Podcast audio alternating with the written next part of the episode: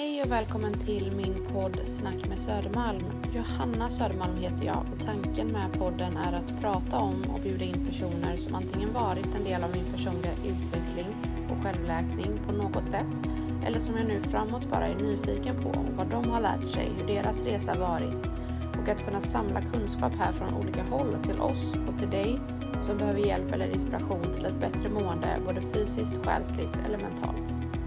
Hur kan man hjälpa sig själv och vad behöver vi veta för att må lite bättre? Ett svar som jag hoppas kunna dela i varje avsnitt tillsammans med dig. Tack för att du lyssnar.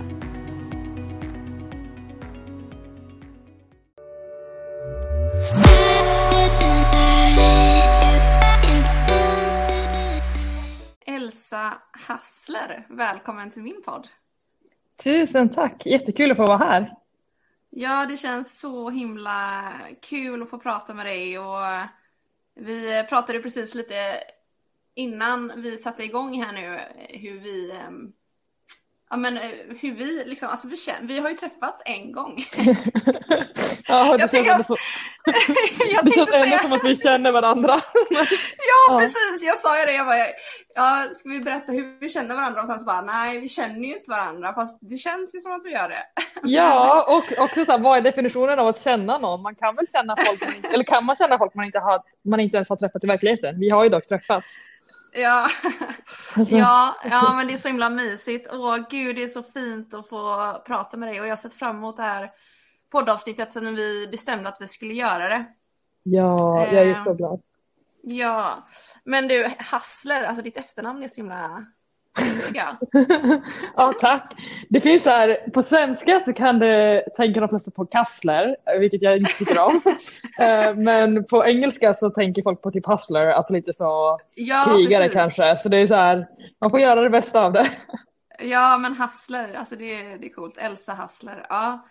ja, varmt välkommen till min podd som sagt det här avsnittet. Och eh, ska vi, hur ska vi börja tycker du? Ska vi berätta hur, um, hur vi fick kontakt eller hur vi träffades första ja? Men, absolut. Eh, jag kan dra det lite kort och det var ju eh, vi båda på den tiden tränade ju, ja vi tränade väl båda då på SAS Kompassen för det var där jag stod och körde vid en skivstång och du stod och körde vid en annan skivstång i liksom, öppna delen av gymmet. Och jag bara minns att jag såg dig stå och köra marklyft och jag själv körde på den tiden också väldigt mycket typ styrkelyft, böj, bänk, mark. Och jag bara såg hur sjukt starkt det var, riktig bis, alltså det var riktigt stora vikter och det bara köttade, man såg verkligen hur du kämpade. Jag blev så inspirerad. Och jag minns att jag var lite typ såhär nervös, bara, oh shit ska jag gå och säga någonting? Men sen så kände jag bara, nej fast alltså hade det varit omvänd situation om någon hade tänkt tvärtom för mig att man ser en person och tycker att den kämpar och är stark, då vill man ju gärna få höra det, inte bara att den tänker det. Så då gick jag fram till dig out of nowhere och bara, jag minns inte exakt vad jag sa, men jag antar att jag sa att jag var typ inspirerad eller att jag var stark eller någonting. ja. Eller? Ja, precis. Nej, jag minns inte heller, men du kom fram till mig och eh, sa något sånt där att eh, shit vad stark du är eller vad, vad inspirerande eller något sånt där. Och, och det tyckte jag så här, jag tänkte så här, wow vilken tjej som går fram, du vet kvinna till kvinna och lyfter och uppmuntrar. Det, det där älskar jag och det tycker jag är så himla fint liksom. Eh, och sen så la ju du ut någonting där på Instagram sen om det, eller hur? Ja det är mycket möjligt, jag har så himla dåligt, så himla dåligt minne men ja det, jag tror faktiskt det, nu när du säger det så exakt. För jag tycker ah. att det där är en sån, dels så tycker jag beror på lite på vart man tränar men det, det är ju oftast mer män vid liksom, som står och lyfter fria vikter och sånt än kvinnor. Det har blivit mycket bättre. Men, så dels tycker jag det är himla gött när man känner att man får lite sällskap av liksom, lite så här girl power. Mm. Men sen tycker jag också som när man, nu är vi inte gamla, men när man är ansett vara vuxen då, att det kan vara typ så här, ja men om man vill hitta vänner och så med liknande intressen och, sådana grejer, jättebra sätt att påbörja en konversation med någon som kanske har liknande intressen och så. Mm, ja men verkligen. Och det var så fint, det var en tjej som kom fram till mig på gymmet eh, för några veckor sedan och bara du, skulle du kunna hjälpa mig att visa hur, hur det här funkar? Alltså sen visste ju hon ju att jag var PT och det var därför hon frågade. Men jag, jag blev så himla glad när tjejer tar kontakt med varandra och det som du säger girl power och vi stöttar varandra och så här. Och det var ju lite det du skrev om den där gången också. Mm. Och, eh, och eh, ja, men då började jag ju följa dig också och har följt dig sedan dess liksom. Och eh, jag tycker du verkligen är alltså, en så fin och klok eh, tjej och du är ändå liksom ung. Alltså, hur, men hur många år skiljer det på oss? För hur gammal är du? Alltså, jag, jag är 25 men jag vet inte hur många år du är. jag blev 34 i år. Ja, men alltså, ålder, ja, alltså, sånt där, jag hade faktiskt ingen aning. Alltså, det här visar också på att vi bara träffats en gång. Men, men alltså också sådana där saker, åldern är verkligen bara en siffra. Jag, för mig hade jag inte ja. kunnat säga att jag visste att du var äldre än mig heller. Sen är du extremt Nej. klok och mogen och, och en bit.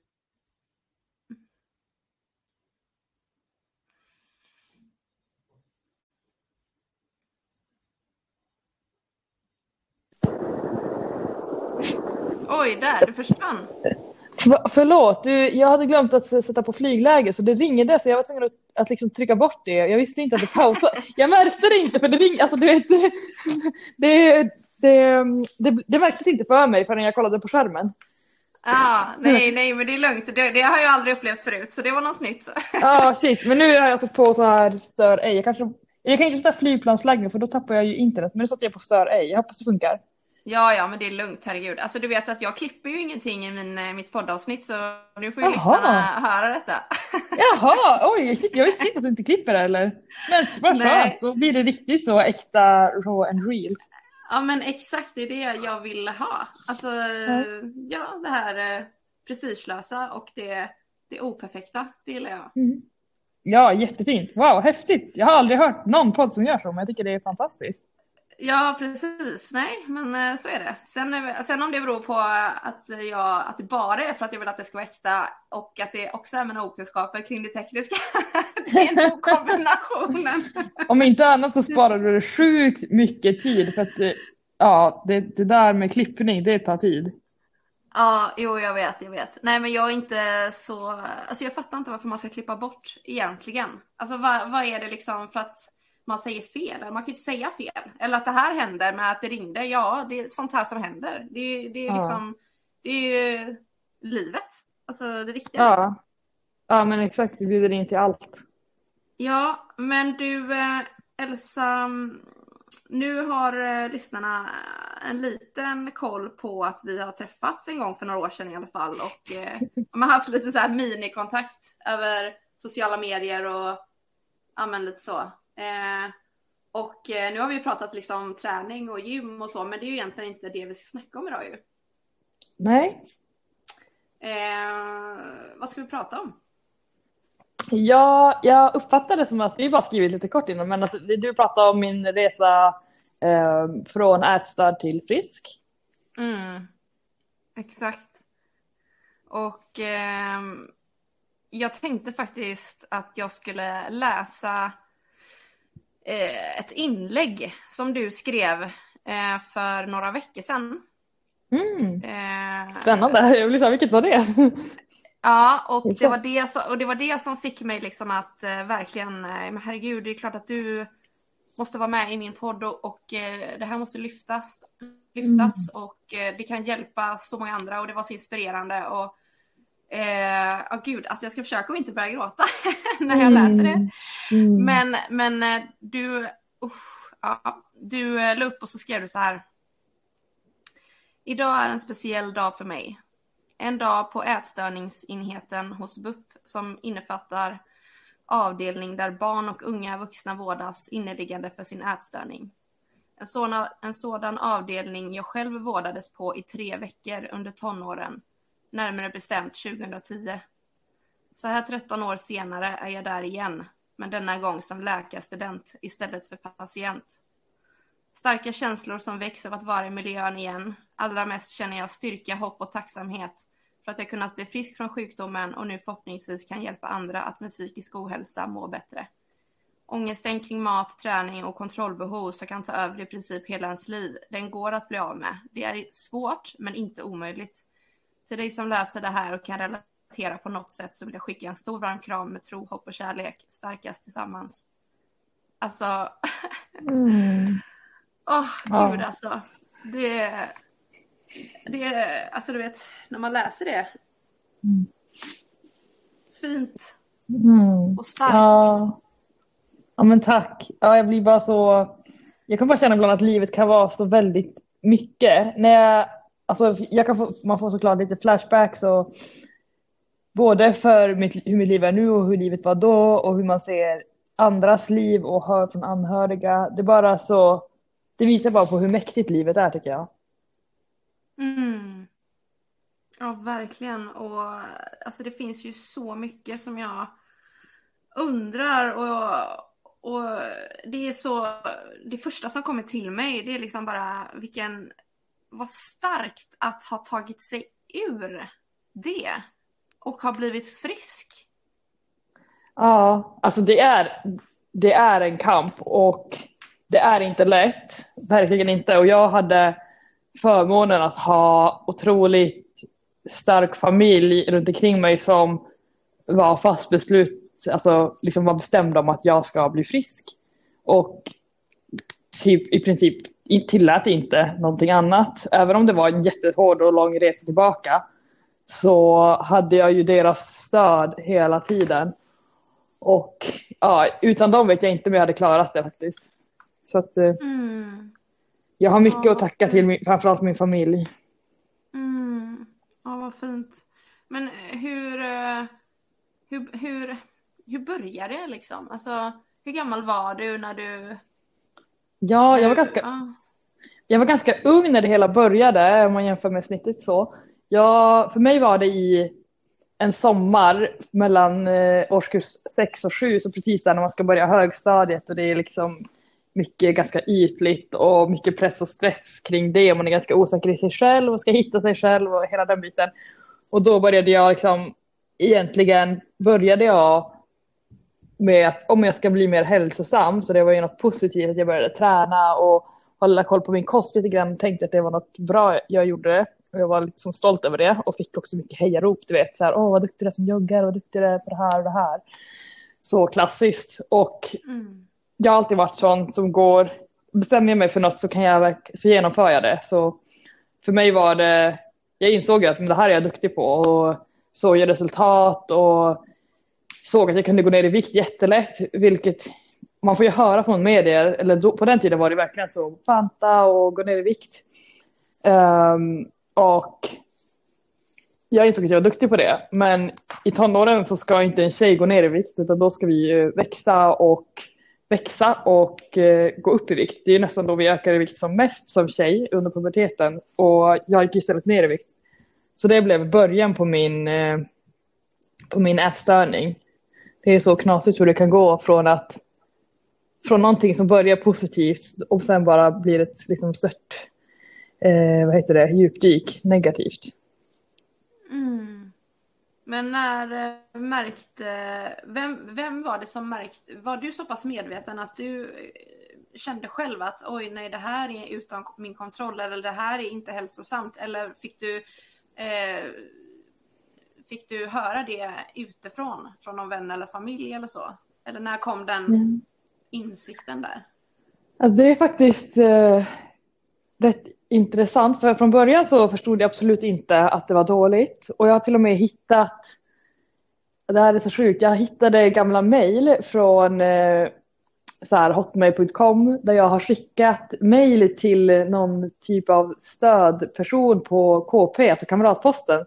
Vi prenumererade på det och jag hade skrivit liksom mejl där om att jag inte mår bra och att jag känner mig jättestressad och jag tränar men det känns inget bra, typ sådär och att jag hade mycket press på mig själv. Um, och hade ju fått ett svar från dem då att jag borde söka hjälp eh, för att det förmodligen kan vara en ätstörning eller någonting men jag fattade inte då att det var det.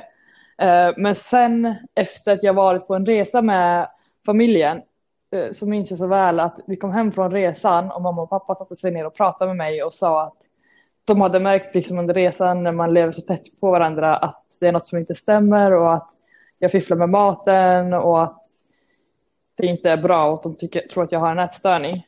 Och då blev det som att det landade i mig att så här, shit, är det det? Då förstod jag.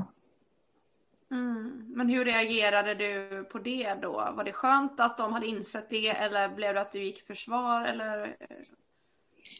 Alltså, det var nog, jag var nog inte så medveten om sjukdomen och jag, jag accepterade att okej, okay, jag har en ätstörning, men sen att hur man skulle ta sig ut från det, det var någonting som vi inte kunde komma överens om för att för mig då att börja tänka att jag ska äta mer och träna mindre, vilket ju var uh, alltså motsatsen till vad jag kämpat för. Det kändes så fel. Mm. Så det blev en krock. Trots att vi båda ville att jag skulle bli friska så kunde vi liksom inte mötas på hur. Mm. Hur gick ni tillväga då? då? Ja, det var väldigt lång resa. Um, jag var inte myndig så mina föräldrar fick uh, de hade ju egentligen sista ordet, men samtidigt så var jag ju så pass gammal att de kan inte tvinga mig till saker. Om jag inte vill äta kan inte de trycka ner mat i mig. Um, så det var en lång resa med BUP, med uh, alltså gå till sjukhuset och gå på vägningar, mätningar och olika typer av träningsförbud och um, kontroll av maten och jag fick inte vara i skolan och mamma blev sjukskriven.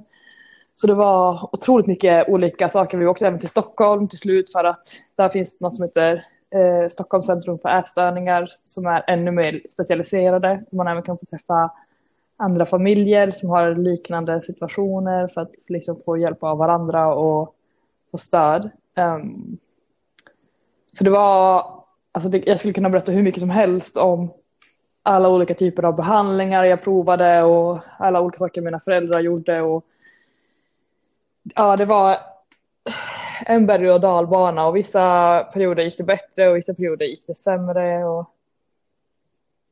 Mm. Men det var bara en stor kamp och det var också som inom mig själv kändes det som att en del av mig var den riktiga Elsa som verkligen ville bli frisk och som tyckte om mig själv. Och en annan del var liksom det här monstret som kändes som att den hade tagit över den riktiga Elsa och som gjorde det så svårt att kunna äta och att kunna slappna av och helt enkelt kunna bli frisk. Så det var jättesvårt. Mm, ja, det förstår jag verkligen. Hur många år kämpade du med den här sjukdomen då? Ja, alltså det är alltid svårt att säga när, när är man frisk och när slutar man kämpa. Så att jag blev inlagd i eh, våren, precis innan jag skulle gå ut årskurs åtta, så det var ju typ två år. Då blev jag inlagd på sjukhus och då skulle jag säga att det blev startskottet till vändningen. Eh, men sen eh, helt frisk från det kände jag mig nog i efter, ett år efter jag tagit studenten, där jag åkte till Australien, då fick jag också min första mens. Jag hade inte haft någon mens sen jag, eller jag fick min första mens när jag var 20. Och då kände jag att nu är det ett kvitto på att min kropp och min hormonella balans och jag kände det även i sinnet att nu är jag, alltså nu mår jag bra igen och nu kan jag, har jag släppt det här. Mm. Mm, men alltså, blir man någonsin frisk från det här då? Eller för jag tänker liksom att det är ju någonting som hade ett grepp om dig, de här tankarna och eh, alltså den det programmet som du hade liksom programmerat in på något sätt. Så nu har du väl mm. avprogrammerat det, alltså på något sätt och brutit det beteendemönstret. Men jag kan tänka, alltså så här, hur, hur är det för, jag, för mig som inte vet då? Är det en, en färskvara att jobba mentalt och till exempel om du kommer in i olika perioder idag då, eh, när du är lite extra stressad eller om det är någonting som har hänt som gör dig lite ledsen, att det kan trigga då? Eller finns det i dig fortfarande de här tankarna liksom? Ja, det där tycker jag är superintressant och jag tycker att dels vill jag säga att alla är vi olika och allas ätstörning ser olika ut så det kommer såklart inte vara liksom ett svar för alla. Men det jag tycker är viktigt och framförallt om det är någon som har en ätstörning eller har haft en tycker jag det är viktigt att veta att man kan bli frisk men sen så kommer man ju alltid bara med sig det som varit så man kommer ha R i, i, liksom, i huvudet eller hur man vill säga. Eh, och som, som för mig, det du frågade om ifall eh, jag har en sämre period, ifall jag känner att delar av ätstörningen kan komma tillbaka. Jag känner att jag har jobbat så pass mycket med, med mitt, min syn till kost och träning eh, så att för mig blir det inte att jag tar till de verktygen om jag mår sämre under en period. Så det tycker jag känns, jag känner mig väldigt trygg i det och jag känner mig också väldigt trygg i att kunna äta som en normal människa och inte, framförallt inte få ångest kopplat till mat.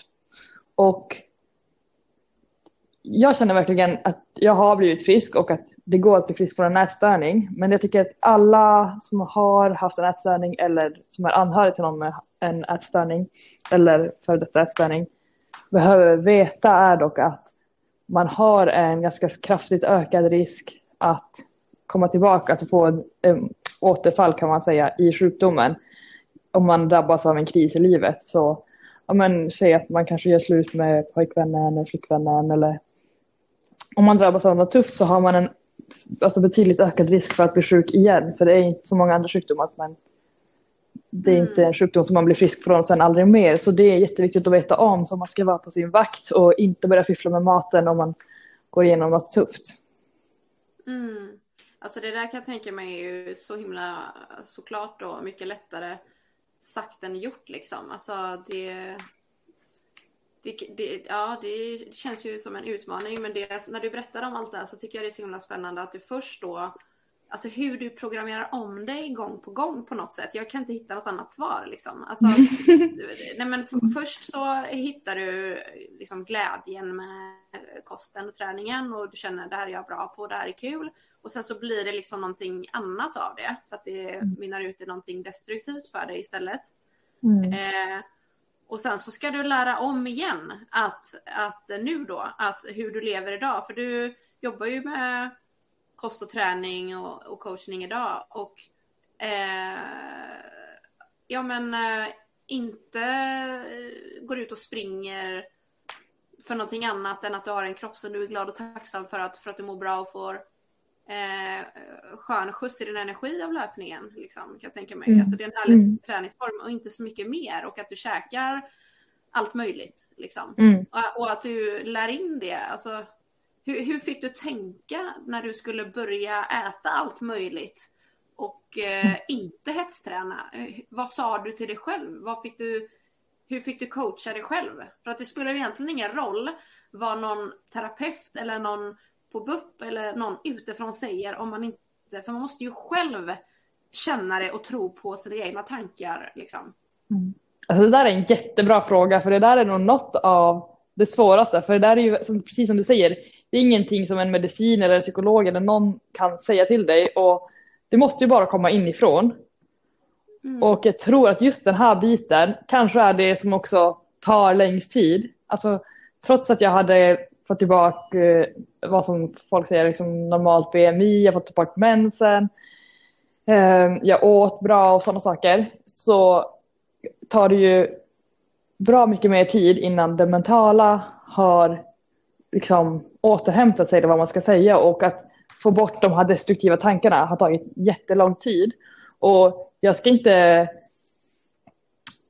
jag ska inte ljuga med att säga att allting alltid är enkelt. För det kan ju absolut fortfarande vara så att om jag kanske um, säg att jag blir sjuk i flera veckor och inte kan träna, att det kan kännas att det kan trigga ångest i mig. Jag känner att men, åh, det är jobbigt att inte kunna träna nu.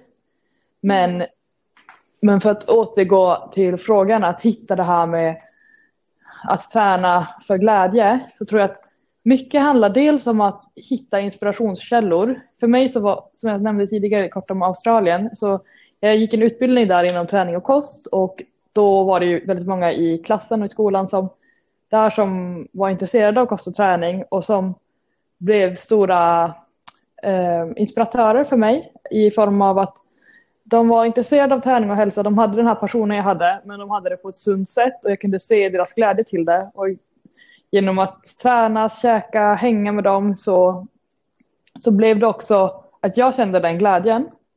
Och utifrån det, det året där med den väldigt positiva inställningen till träning och kost så kunde jag sen komma tillbaka till Sverige och bygga, spinna vidare på det och Eh, sen har jag liksom hittat min väg genom att men, olika träningsformer, kunnat se min egen utveckling på gymmet, träna för styrka, jag har tränat för crossfit och jag har tränat styrkelyft och liksom hitta glädjen i utvecklingen och framförallt också hitta vänner. Jag har fått otroligt många fina relationer tack vare träningen.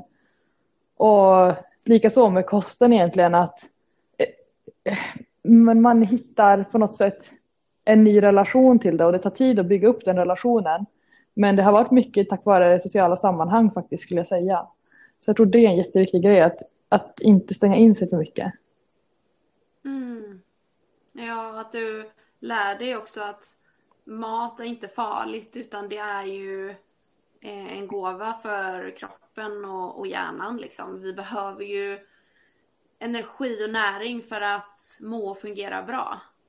Exakt, och så när man, när man utsätter sig för, från början då när jag var sjuk så var det ju väldigt mycket ångest för att jag säger, äta en kanelbulle, äta glass, äta godis, äta de här sakerna som folk eh, sätter röda flaggor för. Men sen successivt, ju, mer, ju friskare jag blev och ju mer jag vågade utsätta mig för att äta de här sakerna, kanske i början få lite ångest, eh, men sen gång efter gång inse att okej, okay, ångesten ja, blir inte lika stark längre när jag äter det för att jag har gjort det flera gånger och känner att eh, jag har kontroll och jag märker att jag dör inte. Jag blir inte, liksom, det är inte så att min kropp eh, förändras så som jag hade föreställt mig. Det är inte så att jag blir en dålig människa utan dagen efter är jag fortfarande samma Elsa. Så det blir också lite den grejen och det, så är det ju med, alltså, om man ska tänka fobier och sånt också, man behöver man behöver bara utsätta sig för ångesten och se att man klarar av det och då kommer man också sen kunna njuta av det mer, eh, mer och mer. Mm. Ja, precis. Och, och en, en sak som jag också funderar på eh, är ju eh, i och med att du, ja, men, eh, du, du, du svalter ju dig, eller vad säger man? Eh, du... Ja, så jag var i svält. Ja, vad säger man? Ja, jag var i svält. Ja, ja. ja precis. Och, och ehm, då slutar ju kroppen och hjärnan fungera optimalt. Liksom. Mm, och jag absolut. tänker på, alltså, alltså, självklart då att man känner att man blir eh, trött och, och liksom lite svagare i, i eh, kroppen och hjärtat får jobba hårdare och organ och, och lite så. Men jag tänker mm. också eh, mest så här, tankarna typ. Alltså det måste ju påverka väldigt mycket ditt mindset och dina tankar för att du får inte energi att kunna tänka så som du kan. Eller liksom, ja, vad har du att säga om det? Kommer du ihåg hur du hur, hur ditt sinne var och hur din tankeverksamhet var. Och liksom det, jag kan tänka mig att det är svårt att ha ork att vara positiv och tänka ljusa tankar. Alltså sådana grejer påverkas ju. Ja, jag, jag, tror inte att de positiva tankarna var så många. Och mamma sa också att det är svårt att säga för, från mitt eget håll, men hon sa att det var liksom flera år hon inte såg mig skratta på det vanliga sätt, på, på det sättet jag brukade skratta. Så att det var liksom en dag eh, efter flera år då jag plötsligt skrattade så som riktiga Elsa skrattar och att det var liksom en jättestor dag för henne. Så att det här med glädjen, den var verkligen, det är hemskt men den var verkligen bortblåst under ganska lång tid. Och tankarna var extremt fokuserade till mig, min träning, min mat, eh, hur mycket jag rörde mig och mina prestationer. Tyvärr, det är hemskt men man blir väldigt självfixerad i sjukdomen. Ehm, för att det blir så stort fokus kring det att man har inte varken energi eller tid eller ork att tänka på saker runt omkring en. Och med det mindsetet så blir man ju inte heller glad. Mm. Så det är jättetufft och det var ju också många långa stunder av liksom panik, ångest, sitta och gråta, hyperventilera. För att det är så mycket ångest kopplat till det. Så att ens huvud var nog, nej det var ingen trevlig plats under de åren tyvärr. Mm. Men fanns det någon gång som du kände Alltså, var det liksom två sidor som slogs om varandra? Att du ville bli frisk eller att du inte vågade bli frisk för att du ville inte släppa taget om det här enda trygga som du höll på med och gjorde? Liksom. Ja, jag förstår vad du menar. Och för mig var det så att jag kände liksom innerst inne att jag vill bli frisk. Jag vill inte vara så här. Jag såg ju, jag såg att jag var smal och jag såg att min kropp inte mådde bra och jag kände ju att livet var verkligen piss. Så hela, alltså jag ville ju bara ta ett trollspö och liksom få tillbaka den, den riktiga Elsa. Men det svåra var att eh, klara av ångesten för att det var så otroligt stark ångest kopplat till träning och mat. Och det enda sättet för mig att bli frisk var ju att få i tillräckligt med energi. Ehm, men det var också det, det som gav mig som starkast ångest. Så det var, det var egentligen ångesten som hindrade mig. Jag tänker att ångesten för mig var min ätstörning. Ehm, så det blev så starkt kontrollbehov så det var jättesvårt trots att jag egentligen Alltså jag skulle säga att jag verkligen varje dag försökte men jag klarade inte av ångesten. Mm. Ja, jag förstår det. Har du, fick du hitta, för du lärde ju dig sen att uh, hantera den. Mm. Det var när jag blev, jag blev tvångsinlagd på sjukhus och uh, där hade jag inget val. Det var antingen så äter du eller så kommer du få sond via näsan så man får liksom flytande näring in i näsan. Um, och med, med rörelse så var jag inlåst och jag fick inte gå någonstans och ville jag bara komma ut så var det att sitta i rullstol. Så där hade jag ju verkligen, jag hade inget val. Energin skulle komma in på något sätt och energin skulle inte komma ut via rörelse och träning. Mm. Det var jättestränga regler. Och eh, jag hade ett sätt att hantera ångesten på sjukhuset där för det blev ju som en total förändring i hela hur, hur, alltså hur mitt kontrollbehov såg ut av att behöva bli tvingad till det här. Och jag hade med mig min mamma på sjukhuset hela tiden. Och ett sätt för mig att kontrollera den här ångesten var att säga ifrån mig ansvaret. Jag kände att jag själv kunde inte ta ansvar för att inte träna och för att äta den här maten för min egen kropp. Och det kändes som att jag förstörde min egen kropp genom att göra de här sakerna. Så för mig var en strategi att, det låter väldigt kanske konstigt, men för mig funkade det ändå. Det var jättejobbigt ändå, men, men det gjorde det lite lättare att eh, fråga min mamma inför varje måltid och inför varje dag eh, att kan du nu ta ansvar för allt det här jag äter nu och för att jag ligger stilla här hela tiden? För det känns inte bra. Ehm, mm. Och hon fick liksom säga gång på gång, ja jag tar ansvar för det, ja jag tar ansvar för det. Uh, på något sätt så blev det liksom så här, okej okay, men det här ligger inte på mig nu. Och det, det hjälpte mig lite, sen var det som sagt jobbigt ändå. Mm. Jag förstår, jag kan sätta mig in i, i, i, i din tankebana där och förstå den strategin liksom. Och att jag kan också mm. förstå att det kändes bra att avsäga sig ansvaret Mm. Det fanns väl inte så mycket, det var ju det enda du kunde göra. Det låter som att det var en strategi som de visste skulle kunna funka på dig som de hjälpte dig med att anamma då eller? Eller lära dig liksom, eller kom du på det själv? Eh, nej, alltså jag kom på det själv med att fråga min mamma om liksom, kan hon ta ansvar. För, då, för mig var det bara så här, alltså det här känns, för, för min sjuka hjärna så var det så att det kändes som att det här är verkligen att förstöra min kropp. Det här är så otroligt dålig mat, det var halvfabrikat och, och det, man har ju läst överallt att det är jättedåligt att vara stillasittande och inte, man måste ju träna si och så mycket. Så, så för mig kändes det bara så orimligt så att jag var tvungen, det var, blev min, det blev min, den strategi jag själv kom på att nej men alltså jag, jag kan inte leva med att ta ansvar för de här dum, påhitt, alltså det här dumma tankesätt mm. eller vad man ska säga, dåliga livsstilen. Så jag var tvungen att fråga henne. Um, och det kan ju låta jättekonstigt i praktiken med tanke på att det gör ju ingen skillnad, maten är ju densamma. Men, men eh, ibland är det häftigt hur ens huvud ändå kan med sådana mm. saker förändra hur man ser på någonting. Verkligen, men du, ja, men snyggt jobbat där. Du hittade ju, eller du tvingades ju hitta strategier som du fick, ja, som du fick köra exakt. på liksom. Exakt, och ibland behöver man bli tvingad till det. Jag behövde det där definitivt. Jag vet inte vad som hade hänt om jag inte hade tvingats till det. Då hade jag kanske inte varit här idag. Eh, kanske inte alls tagit mig ur sjukdomen på det sättet jag gjort. Så att ibland är the hard way eh, det rätta. Ja.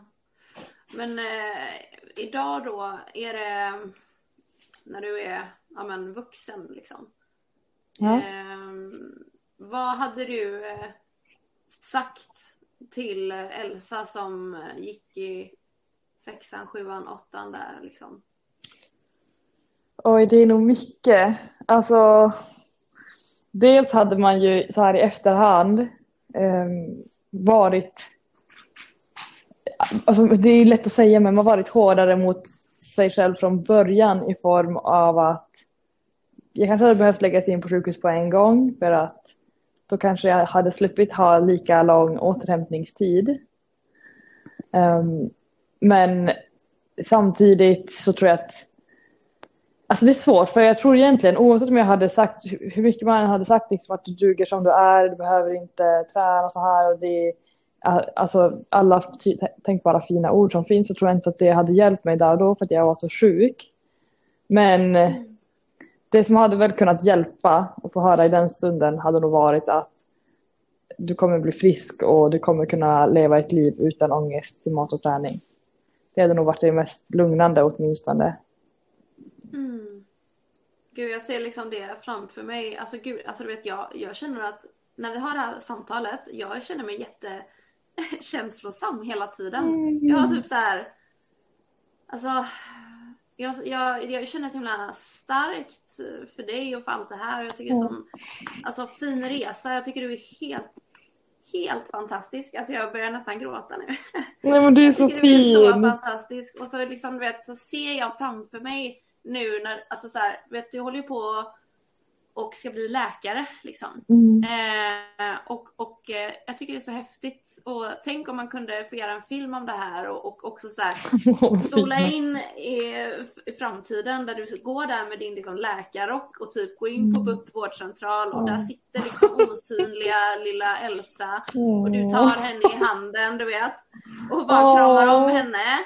Och alltså du kramar om barn-Elsa och så kommer vuxna Elsa där och bara så här du vet, kramar om och bara det kommer, mm. kommer bli bra, kolla du kommer vara här, liksom håll ut. Alltså så här, det får jag typ till mig att jag ser framför mig. Liksom. Jag får typ rysningar, det där är ju min dröm. Men att kunna göra så med riktiga patienter som är där, alltså att kunna hjälpa ja. dem och att kunna vara en förebild och att kunna ge livet tillbaka till dem. Det är ju, oh. Oh. Nej, jag får gåshud, det är verkligen Ja. Det, det, kanske, alltså det, det, det, det gör det ju redan, alltså bara genom detta samtalet du vet. Och jag tror ju också på det att jag tror att vi, eh, vissa människor här på jorden blir tilldelade vissa utmaningar. Alltså jag tror ju på det och jag tror mm. att även om, jag vet inte, känner du så att du har gått igenom det här för att det var just det här som var meningen, att du skulle hjälpa andra för att man kan ju göra det på ett helt annat sätt när man själv har gått igenom det och har erfarenheten. Liksom. Intressant tanke. Jag har aldrig fått den frågan och jag har aldrig tänkt på det på det sättet. Men jag har i alla fall tänkt på det på det sättet att, att jag inte, alltså det är inte så att jag ångrar att det hände eller skulle ta bort att det hände om det gick för att jag tror, jag, jag tror absolut att den personen jag är idag beror till stor del på det och att det har format mig jättemycket, för så är det. Så nu när du säger det så känns det faktiskt it makes sense. Verkligen. Mm. Cirkeln är sluten på något sätt? Ja, eller liksom... ja men också så att alltså jag är glad att jag har fått bara Okej, okay, det låter fel att jag är glad att jag gått igenom det. Men på något sätt så är jag ändå det för att jag har fått, jag har lärt mig så mycket av det och det har gjort mig så mycket starkare idag och jag vet att jag kan ta mig ur jättetuffa situationer. Och det stärker en enormt. Mm, verkligen. Du har blivit, alltså man blir rustad, eh, man blir rustad på något sätt. Ja, verkligen. Och även, likaså även med ens relationer. Där så stärks de relationerna som, som betyder någonting och de relationerna som inte betyder någonting försvinner på något sätt. Det, mm. ja, det, livet blir... Eh, det känns som att alltså, man, man går ner i en djup håla och sen klättrar man sig upp och när man kommer upp så har man plötsligt ännu mer liv i sig och mm. framför sig. Mm. Fantastiskt vackert, fint. Mm. Ja, jag tänker om det är någon som lyssnar då som, som är och tampas med detta just nu. Uh, för att det behöver ju inte bli så illa att man läggs in och blir tvingad till eh, det här. Utan att man kanske kan få hjälp tidigare eller hjälpa sig själv. Alltså vad skulle du säga då?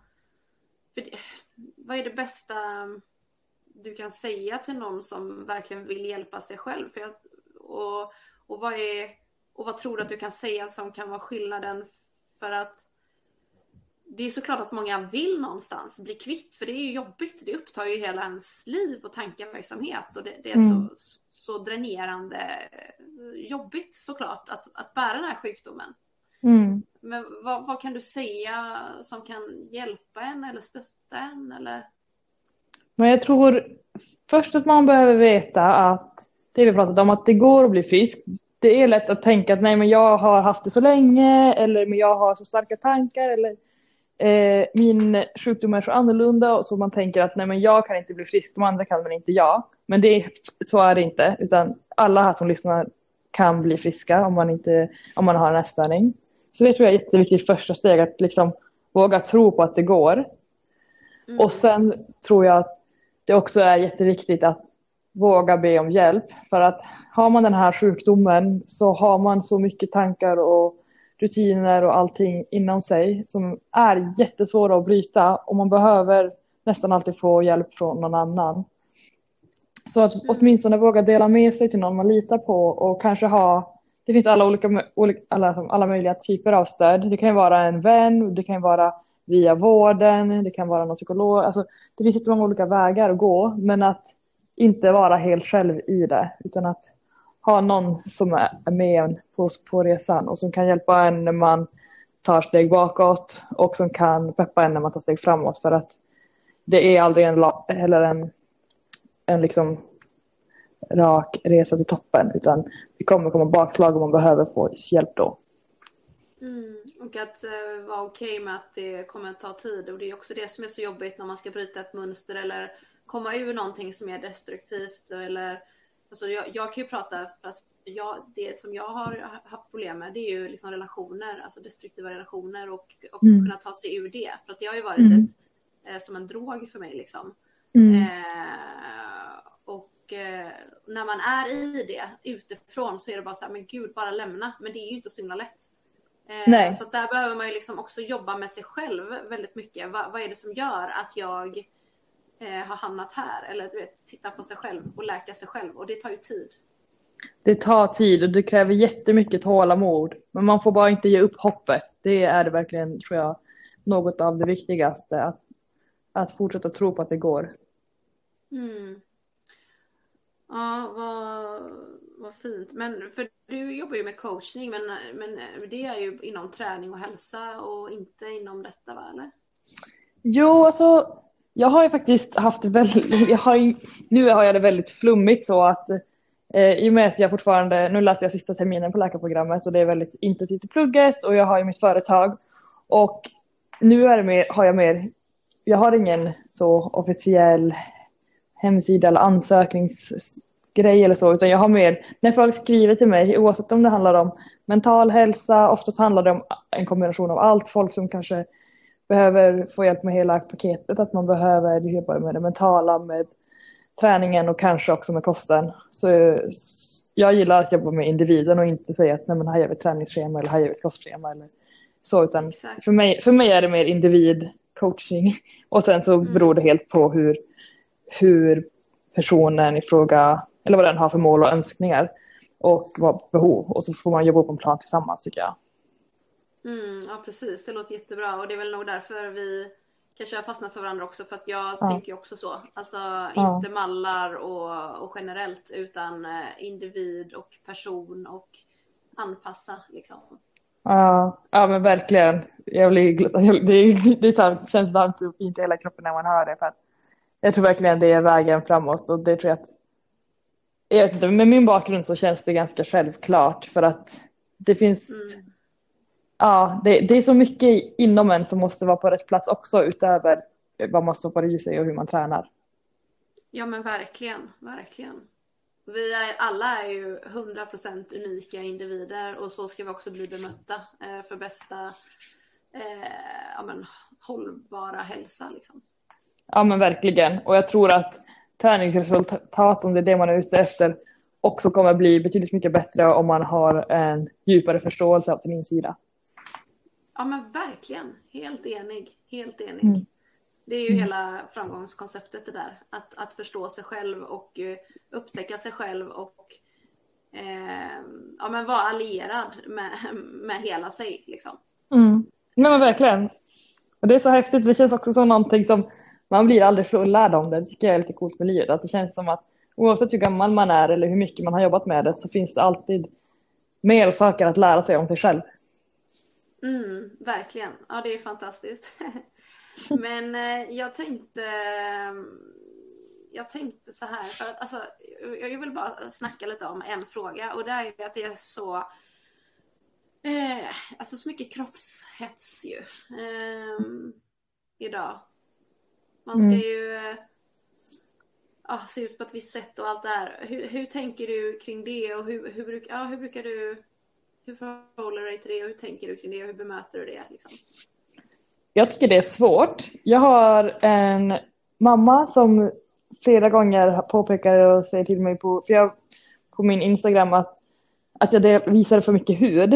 Eh, och det där är väl kanske en generationsfråga, men med hennes, en av hennes argument är då att eh, jag med min, enligt henne då, eh, ja, med vältränade kropp som är smal och så här kan kan signalera och skapa stress till andra som kanske, kanske inte ser ut så att, att de jämför sig och känner sig dåliga.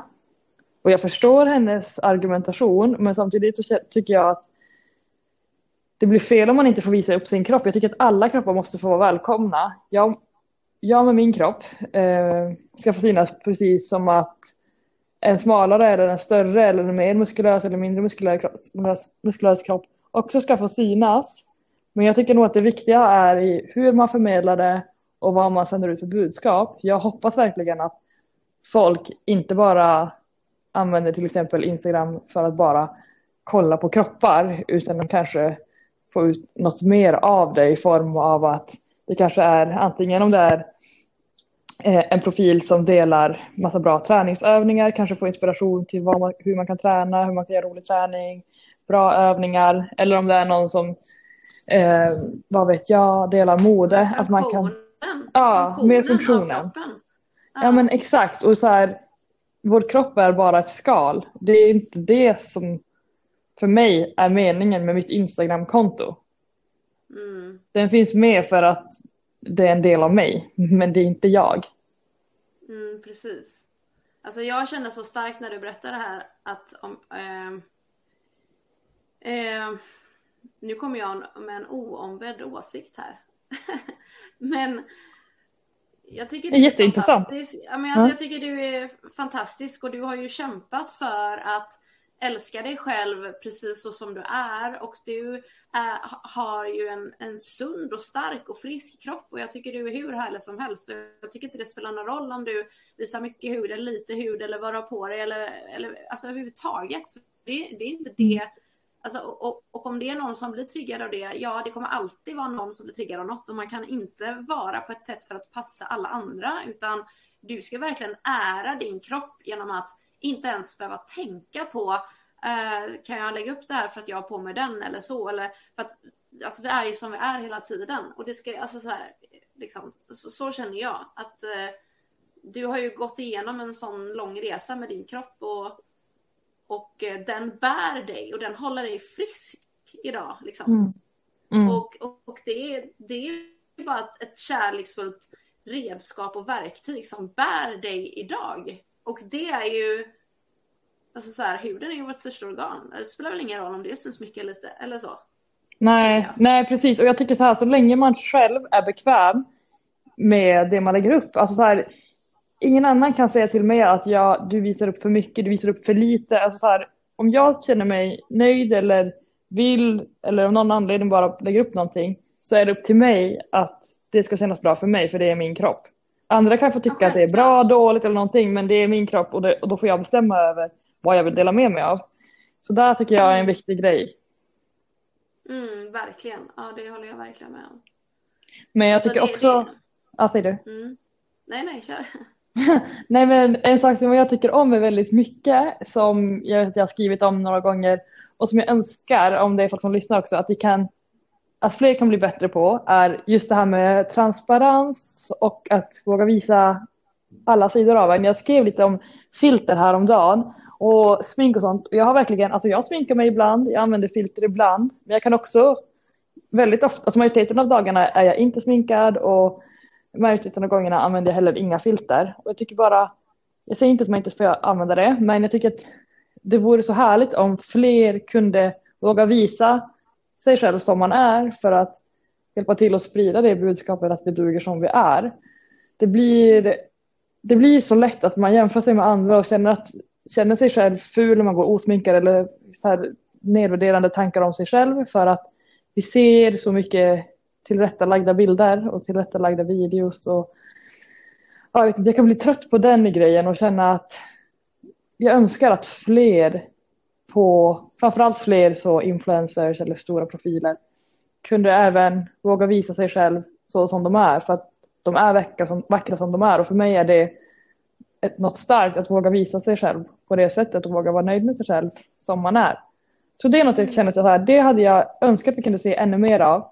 Eh, sen som, som sagt betyder inte det att man inte kan sminka sig och så ibland för att man känner att man är, tycker om det. Men ja, lite mer äkta hade jag önskat. Mm. Hur känner Ja, du kring det? Vad sa du? Hur känner du kring det med att liksom visa sig utan smink? Hur tänker du? Är det något du Ja, reflekterar över? Ja gud ja, nej men självklart. Alltså det är ju någonting som jag tränar på själv. Alltså det sitter inte där till 100% hos mig själv heller, helt ärligt. Mm. Utan det är någonting jag måste träna på. Och det gör jag ibland genom att, alltså till exempel till jobbet har jag ju typ aldrig smink. Alltså för det första för att jag, jag jobbar ju på ett gym liksom. Mm. Eh, men, men sen också så här när jag ska sitta i olika möten med folk på Teams eller Facetime eller så för första gången.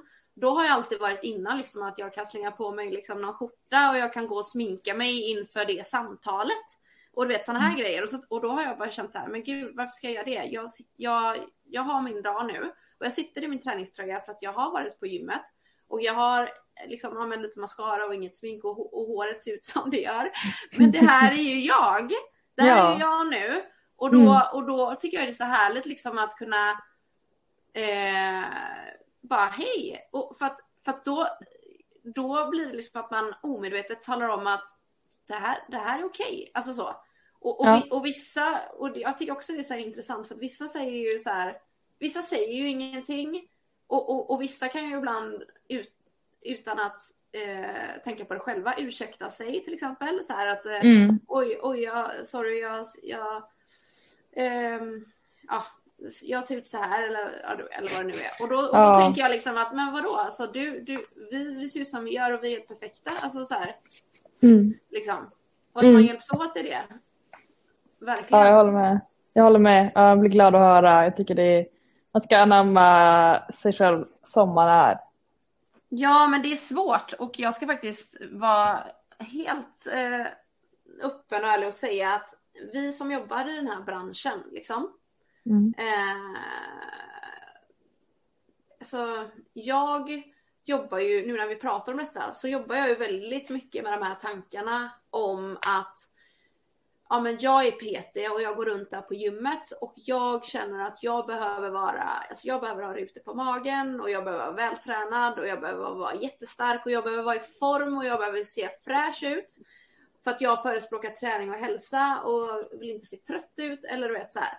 Och det är någonting som är så idiotiskt att gå runt och lägga de sanningarna och kraven på mig och göra det så jobbigt för att bara för att jag är personlig tränare och jobbar med hälsa så är jag ingen superhjälte som alltid är i toppform. Alltså du vet så här. Och för mig så har ju jag gått igenom väldigt mycket i mitt liv och ibland så är jag mer i form och ibland mindre i form.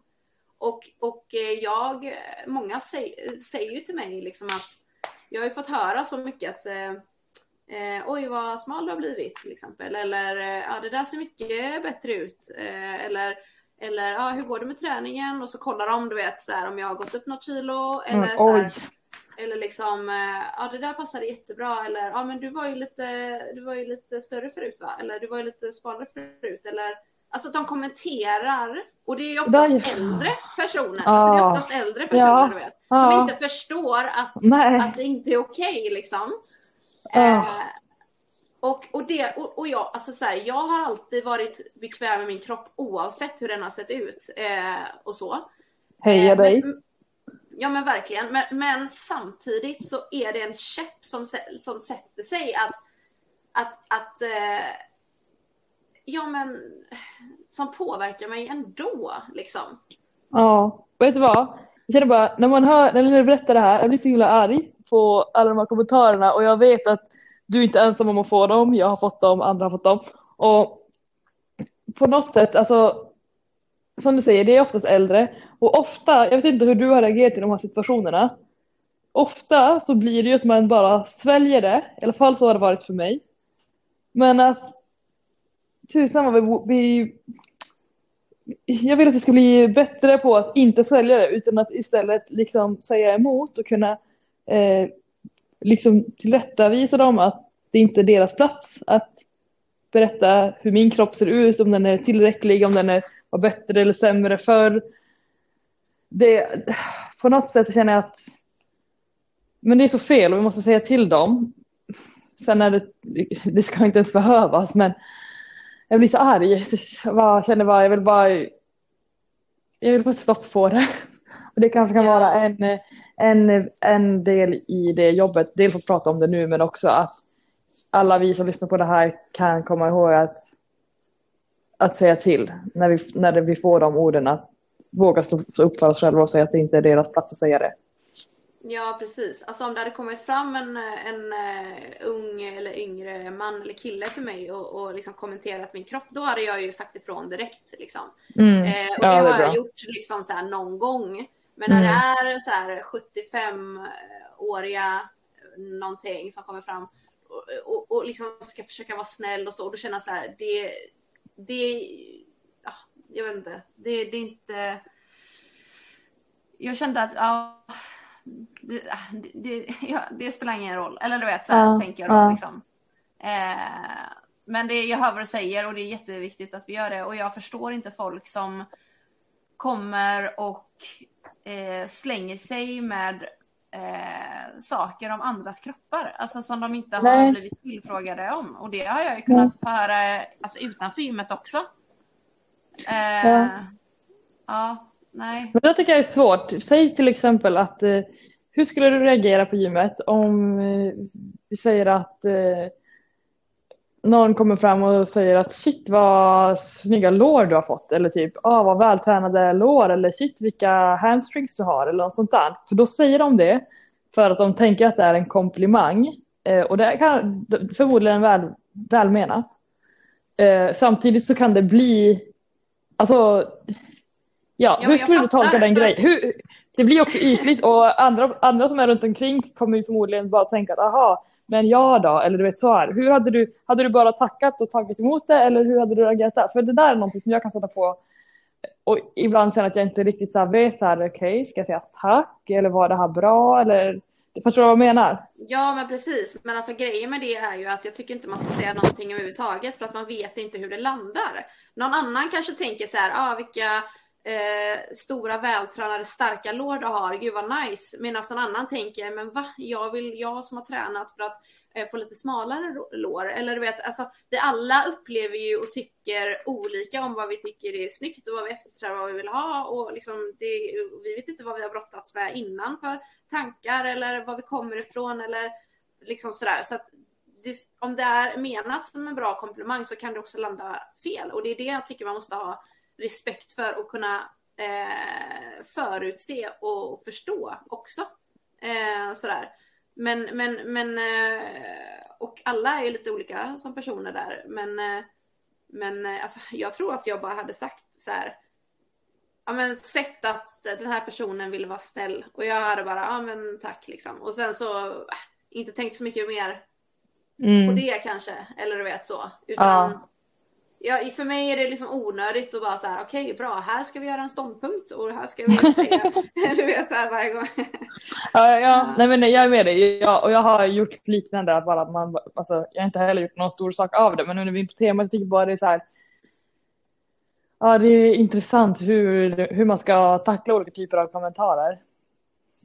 Ja, jag tror att eh, om, om, eh, om det är någonting som verkligen skulle göra mig verkligen upprörd eller ledsen sådär. Eh, då skulle jag nog eh, faktiskt, men vet du vad, det där, eh, det där kändes faktiskt inte bra för mig. Alltså då hade jag nog kunnat mm. säga det, men, men eh, annars så är det liksom inte, alltså att du bryr mig så mycket så egentligen. Eller att mm. det är mm. värt att lägga energi på det. Mm. mm. Men eh, ja, det är mycket kropphets och eh, och eh, jag jobbar ju verkligen själv med det här att, att eh, ja, men inte sätta ett, ett eh, lika med tecken på, eh, på värde och, eh, och form liksom.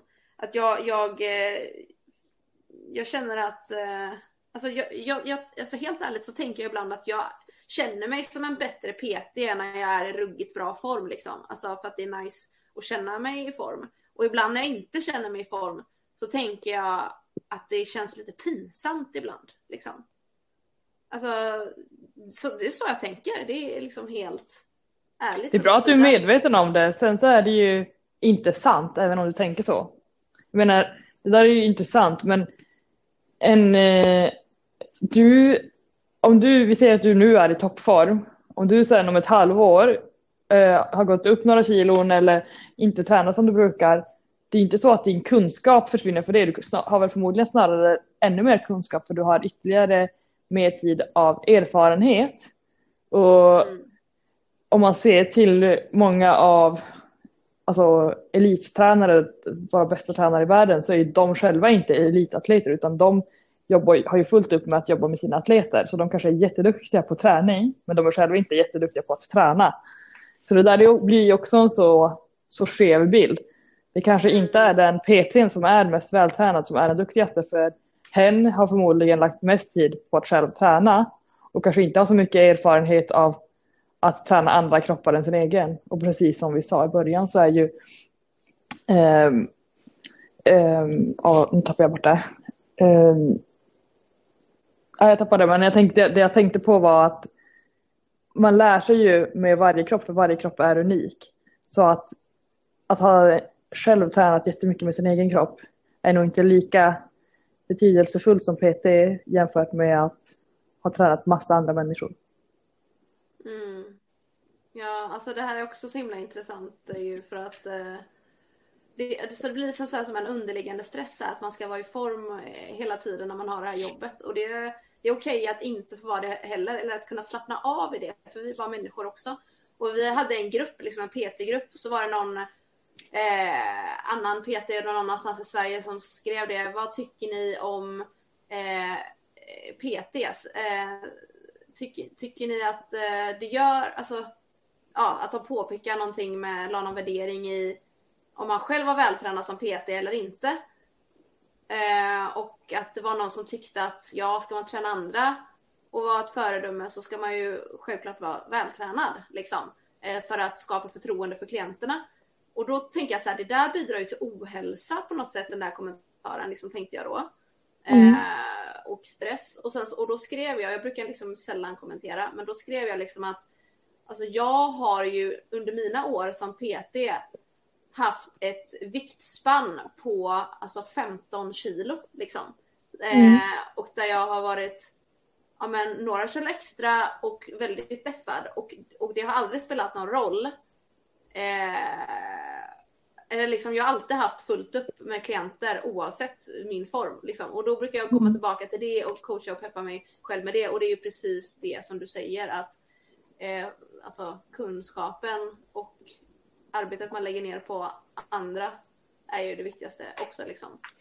Men det är ja, så knäppt att jag bär de här tankarna ens liksom. Alltså, ja fast alltså det, det, är, det är knäppt men det är ändå inte knäppt med tanke på alla normer och allt vi matas med på sociala medier, på gymmet och överallt. Så mm. du, jag tycker verkligen inte att du ska klandra dig själv för att du känner så. Eh, sen så ska du inte behöva känna så. Men det, det är två olika saker. Mm, jag tror att det är väldigt vanligt att tänka så och vi alla är ju ganska självkritiska men vi måste påminna oss själva om att herregud, du vet man, man har en kropp och eh, man kan använda den och eh, ja, men krama sig själv lite oftare. Ja men verkligen och att du är, är grym Peter oavsett hur du ser ut att du är grym för att alltså, du får komma ihåg också all, alla personer du hjälpt och alla personer som valt att komma till dig. Jag hoppas verkligen att de inte har valt det på grund av din form utan på grund av att du är du. Så att mm. jag tror verkligen ja. att, och jag tror att det där som du själv säger också med att du har ju märkt att under dina år, även om du har pendlat i vikt och i träning, så har du haft kunder och jag tror också att det är någonting man också bygger upp med erfarenheten också, den tilliten till sig själv. Ja, verkligen, verkligen. Det här tog en liten annan vändning nu, det här samtalet. ja, verkligen. ja, verkligen, men det, ja. det är fint. Alltså det som ska komma ut, det ska ju komma ut. Det, det blir ju så. ja, men verkligen. Men eh, jag brukar alltid avsluta mina poddavsnitt eh, med tre frågor till min mm gäst. Spännande. Ja.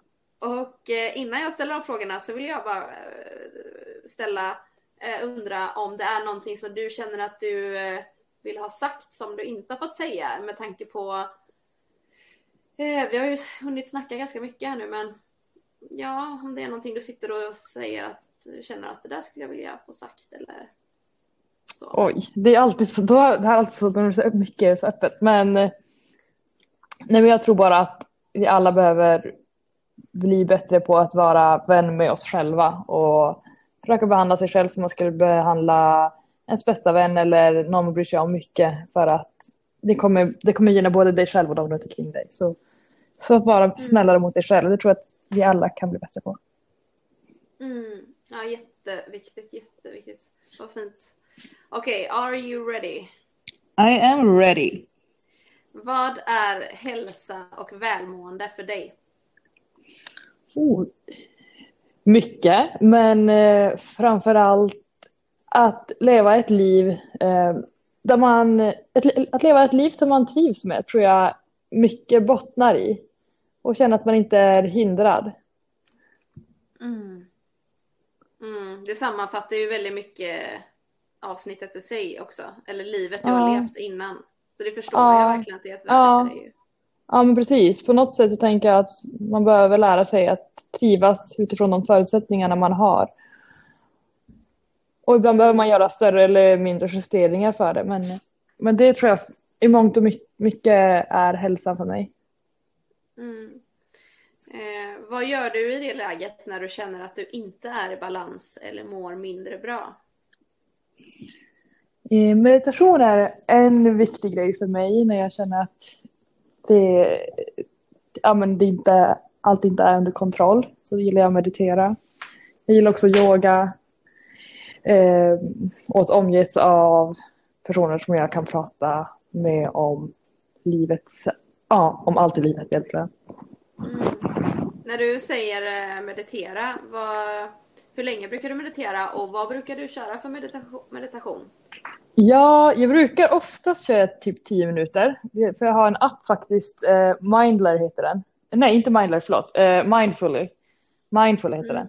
Och där finns det massa olika meditationer, men de har alltid en som heter dagens meditation. Så där är det liksom en specifik meditation för dagen och så är det, kan man välja längd. Jag brukar köra 10 minuter. Eh, det då hinner jag landa lite och man kan alltid hitta tio minuter någon gång under en dag liksom. Mm. Så alltså, det, det, det, gör så mycket verkligen. Alltså man kommer i balans. Det gör jättemycket. Ja, ja, verkligen. Jag gillar att ligga i sängen och typ ligga ovanpå täcket och bara liksom sträcka ut hela kroppen och bara ligga där och samla, samla ihop mig själv och landa. Ja. Det kan göra jättemycket för mig. Och skriva dagbok också kan jag tycka. Alltså, om jag känner att jag behöver, att det är mycket tankar eller så, då kan jag också tycka om att kanske meditera först och sen skriva av mig. Ibland kan det även vara, alltså, om det är någonting som jag känner att jag vill dela så kan det faktiskt vara på Instagram att jag kan känna att det kan vara en skön kanal för att få, få dela och då får jag också ofta mycket bra kommentarer eller meddelanden från andra för att man är sällan ensam i det man går igenom. Det är oftast någon annan som har upplevt liknande. Så det beror lite på vad det handlar om också. Ibland så behöver jag vända mig till familjen om det är någonting jag känner att de kan hjälpa mig med och ibland kan det vara sambon. Ibland kan det vara någon vän. Så det beror också. Jag tycker det, kan, det finns olika eh, vägar att gå beroende på vad det handlar om. Mm. Um, vad är det viktigaste som du har lärt dig i livet hittills? Wow. Och jag blir typ så här, så mycket. Ja, Men, det eh, förstår jag. Shit. Jag tror nog att uh, allt löser sig. Det kan vara skittufft, det kan ta tid, men alltså på riktigt. Allt löser sig på ett eller annat sätt och det finns en väg och den är menad att bli den vägen. Mm. Bam. Ja, men på något sätt, alltså är man i kris, är man i panik, bara kom ihåg, det kommer lösa sig. För det gör det. Alltså, allt, det är bara själva att tänka, allt ni har gått igenom, alla kriser ni har haft, all, alla tuffa situationer. Uppenbarligen lyssnar ni på den här podden, så allting har på något sätt löst sig. Mm. Det är bara tillfälligt och det är, det är bara tillfälligt. Liksom. Men exakt, alltså även en svår panikångest, den kommer att ha ett slut. Och ja, saker löser sig faktiskt. Alltså tålamod och tillit. Mm, det får vara två fina slutord, tålamod och tillit från min fina gäst Elsa Hassler. Stort tack för att du var med mig idag i detta samtalet och för att du ville dela med dig av din inspirerande resa. Du är grymt stark och eh, all kärlek till dig. Tack Johanna.